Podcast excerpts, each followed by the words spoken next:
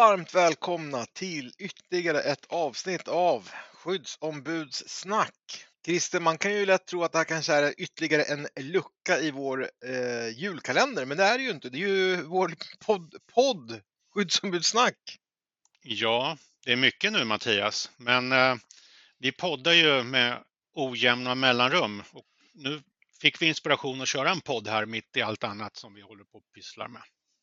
Du och jag håller ju till lite grann på LinkedIn. Det är ett bra forum tycker jag för att snappa upp saker och har du hört att och såg du det där och nu har man kommit fram till det eller tips på saker och så där. Jag tycker LinkedIn eh, ger mig väldigt mycket som en arbets, den arbetsmiljönörd jag är. Jag tänk, kan tänka mig att det är samma sak för dig. Ja, jag har nog funnits där länge. Men jag har liksom dammat av LinkedIn nu. Jag har inte varit så aktiv där men har ju blivit det de sen, den senaste tiden. Och det är, precis, det är en sån upptäckt jag har gjort. Oj, vad mycket bra saker det finns där att ta del av. Ja, men precis. Du, och så eh, det var ju så då i helgen så kom det upp ett inlägg som var med stora bokstäver. Vad var det jag sa? Punkt, punkt, mm. punkt. Och så jag hörde också på nyheterna om det här Mm. Eh, när jag åkte hem i bilen från gigget du och jag hade i fredags. Men och då är det så här. Boston Consulting Groups har tagit fram en studie som vill man hårdra det och som det här inlägget på LinkedIn eh, var inne på så, har, så är distansarbetet haveri för bolagen. Och studiens slutsatser då Bolagen får i snitt ut 60% av sina inplanerade förbättringsprojekt. Projekten har blivit 30% dyrare och tar 50% längre tid att genomföra. En beslutsprocess som tidigare tog dagar tar nu veckor eller månader och möten blir ineffektiva och bara leder till fler möten. Vad tänker du Christer när du hör mig säga det här och eh, efter att du har eh, tittat lite grann på det här med vad den här studien har visat? Jag kommer inte ihåg om det var på fredagsnatten där efter vårat gig tidigare på kvällen eller om det var på lördag morgon jag såg att du hade gått bananas på det inlägget. Och då tänkte jag vad det Mattias har gått igång på nu och så har jag läst det. Och du vet, jag vill alltid balansera upp din och min tillvaro. Så jag ska börja med att balansera upp det. Jag kan ju förstå den här personen vad den vill med sitt inlägg. Sen tar ju den personen hävstång i någon undersökning, så det är ju inte personen själv som står för den fakta som den hänvis, hänvisar till, men den personen tar ju hävstång till vad var det jag sa. Att, jag har inte följt den här personen förut, men den har ju uppenbarligen haft någon tes som den får styrkt i den här artikeln just nu. Då. Så. Sen satt jag läste igår varenda inlägg eh, där man har varit inne och kommenterat så att säga. Så den här personen står ju inte helt oemotsagd i, i sin, vad var det jag sa? Nej, nej precis. Det är intressant ändå, alltså just den här att man jag kan ju tycka att det, det, det, moderna är att förstå att människan behöver må bra för att den ska kunna producera på jobbet. Det omoderna är att det är ointressant hur människan mår så länge vi producerar på jobbet. Och jag tänker, det har ju blivit en sån otrolig faktor i dagens arbetsliv. Även om det bara har varit två års tid så har vi ju helt plötsligt fått människor, medarbetare, arbetare som liksom säger på riktigt att jag får ihop mitt liv, jag behöver inte pendla eh, och alla de här bitarna. Men, Min men, med, jag ska bara säga, men med det sagt så, så finns ju inte någonting som säger att, att människor konstant alltid ska vara på distans. Det är, ju, det är ju där jag tänker studien går bort sig lite grann. Ja, precis. Min personliga relation eller uppfattning eller ställningstagande eller tyckande till det här inlägget, det är ju att jag har funderat på hur många år tillbaka i tiden jag har haft, haft ambitionen att bli en eh, digital nomad. Och det där har jag pratat med dig om Mattias, att jag har haft de ambitionerna. Och de ambitionerna hade jag långt innan tekniken fanns. Jag visste inte hur det skulle gå till. Men jag har säkert i 10-15 år funderat på varför reser jag till en fysisk arbetsplats när det är jag som är kompetensen? Jag bär min egen kompetens. Jag är anställd för att jag är en kompetens. Och så har jag ibland i mina jobbresor känt varför, varför måste jag utföra den här tjänsten? Varför måste jag använda min kompetens just här, på den här platsen? För jag har känt, sedan länge att vissa saker kan jag göra på ett annat sätt på distans. Det är inte viktigt var jag är någonstans. Så mitt personliga ställningstagande och tyckande, det är ju att jag i flera år, innan det ens var möjligt, har haft en känsla av och en vilja att hamna där vi är idag. Men det är jag själv som är sån. Och då tänker jag så här, ja, vi människor är olika, alla är inte som jag. Så då måste det finnas motsatsen också. De som tycker om och trivs på ett kontor och vill ha det så. Och det är väl det vi alla just nu i den här debatten kämpar för, vår egen uppfattning och vår egen åsikt. Och där tycker jag att det blir lite polariserat i det här inlägget och eh, faktiskt de här lite motkommentarerna som ligger så. För jag upplever att man, man pratar för sin egen sak, vilket man ska göra, men någonstans där så är min insikt, ja, vi är olika, vi, vi har olika uppfattningar, vi vill ha det på olika sätt. Och då har jag lite svårt för här att forskningen säger, studier säger, utan det är viktigare, vad, vad säger människorna? Lyssna på dem, lyssna på medarbetarna. Ja, men verkligen. Och det tyckte det var intressant att i de här kommentarerna som ändå var upp mot en 50, 60, 70 stycken så eh, pekade nästan alla på samma sak. Det är ju det, det, är ju det man måste komma ihåg här Christer. Jag tänker, det du och jag alltid eh, har landat i är ju ledarskapets betydelse. Hur viktigt det är att ledarskapet fungerar.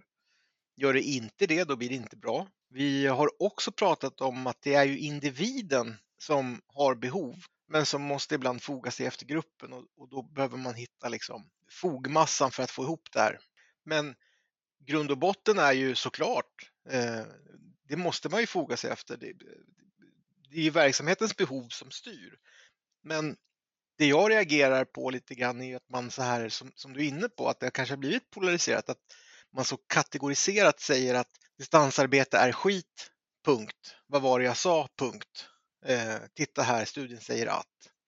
Istället för att liksom börja grotta i det där och förstå de bakomliggande orsakerna. Och en av mina största övertygelser är att företag och ledarskap har inte hängt med i den här utvecklingen. Och det tycker jag att du och jag har sett lite grann bevis på lite här och där för. Eller vad tänker du? Jag tror att det här är en oundviklig framtid vi har. Att arbetare, medarbetare, människor som jobbar och kan vara i sin egen kompetens och leverera den från olika platser, att man inte är bunden i rummet. Det kommer att vara väldigt svårt att försöka förklara för dem att du ska göra det här på en viss plats och sen har man inga argument för det. Sen det här med ledarskapet, då tänker jag att ja, det är svårt att leda på distans.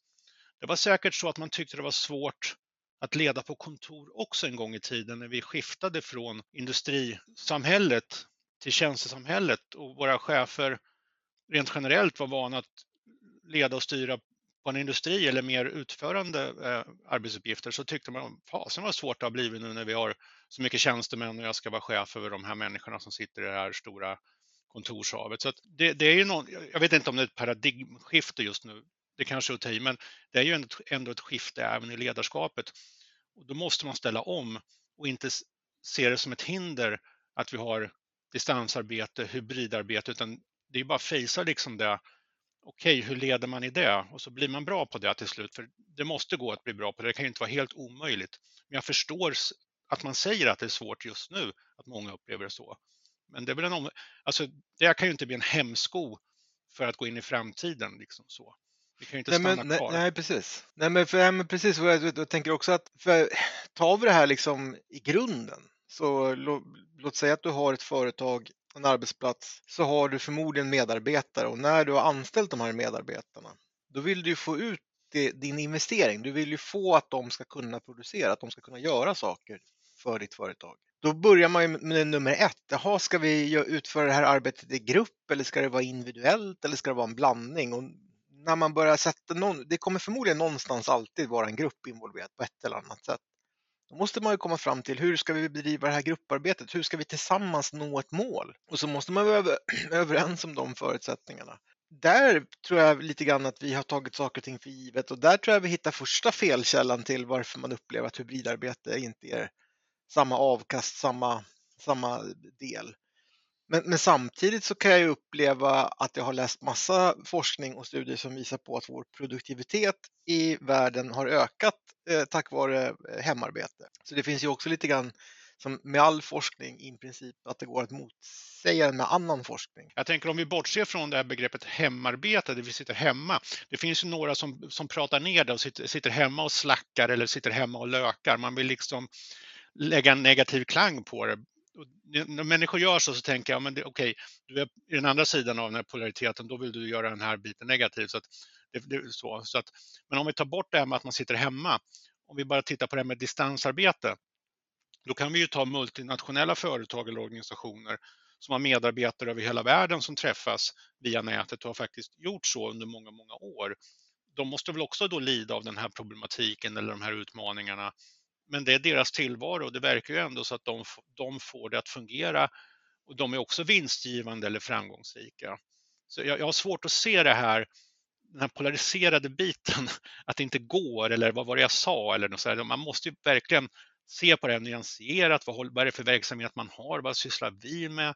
Vad vill medarbetarna? Medarbetarna är olika och hela den här biten. Det kan inte vara svart och vitt. Någonstans så behöver man ju också förstå, eh, mår medarbetaren bra? Ja men absolut, då, då kommer den jobba bättre, den kommer producera mer, den kommer tillföra mer saker, men, den, men medarbetaren måste ju samtidigt få ramarna Ska vi inför att vi ska ta ett beslut, ja men då kanske vi behöver vara fysiskt på plats. Inför att vi ska starta upp ett projekt, då kanske vi behöver vara fysiskt på plats.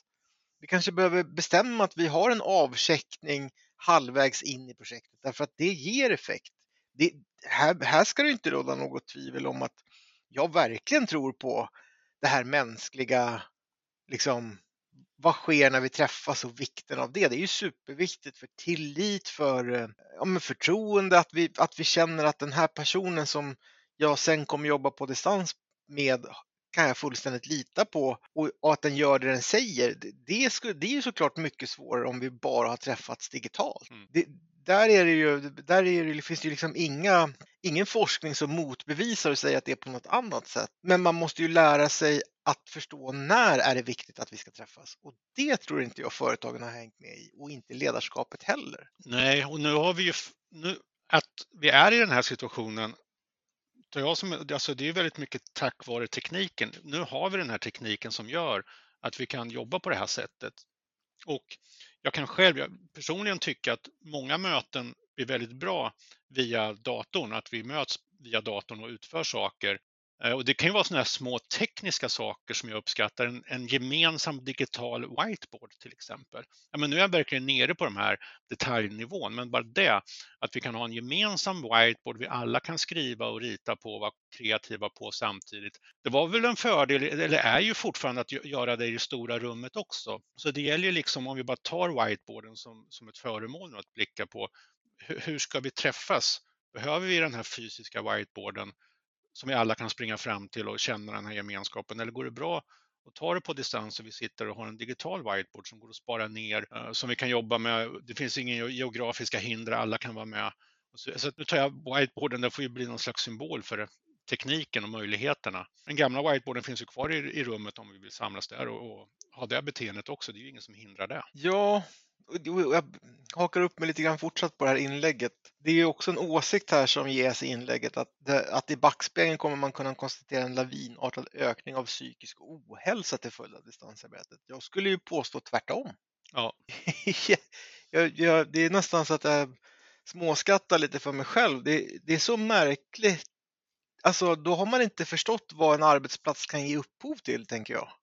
Nej, men jag, jag, är ödmjuk inför att det är ett påstående som finns i det inlägget, men jag skulle då vilja veta vad grundar sig det i? Om det är så säkert att det kommer bli så. Vad, vad finns det för grund för det? Var ser vi det?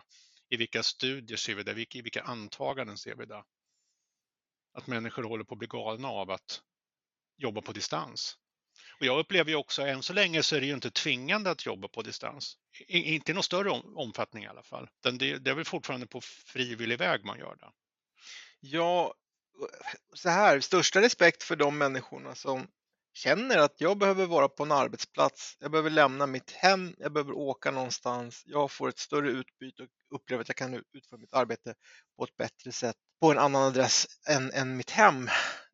Men det, det säger ju ingenting emot någonting annat, tänker jag. Det är, det är ju där allting hamnar så fel. Det är ju där man börjar liksom gruppera ihop människor som lag 1, lag 2 på den vänster, utan det är ju kombinationer och det är ju det du är inne på lite grann också, just där att det, känner man att man har det här behovet, då ska man åka in till kontoret. Men samtidigt, det här är ju återigen, ledarskapet behöver ju vara i samklang med den här medarbetaren. Den behöver ju förstå då, vad har du för behov? Mm. Okej, du, du, har, du har en sån här situation i livet. Ja, det kommer förmodligen inte leda till att du, att du jobbar bättre om jag gör så här med dig.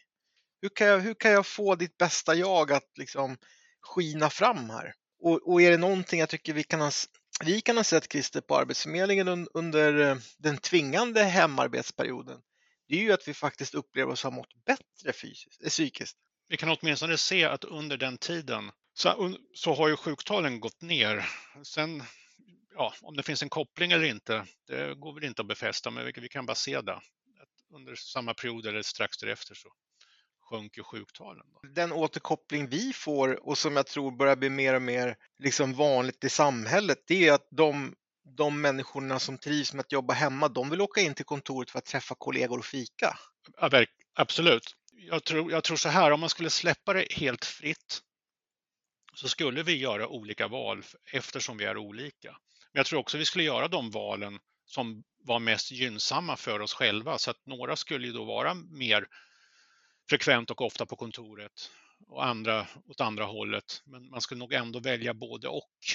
Ja, slutligen också ett, medskick här är ju att man, man, behöver, eh, man behöver använda sin källkritiska ådra också. Jag tror att de, den här rapporten hade tittat på 1500 eh, transformeringsprojekt världen över. Mm. Det i sig är ju inte liksom, jag vet inte vad jag ska tycka om det kan man påstå att det är forskning så ja, kanske.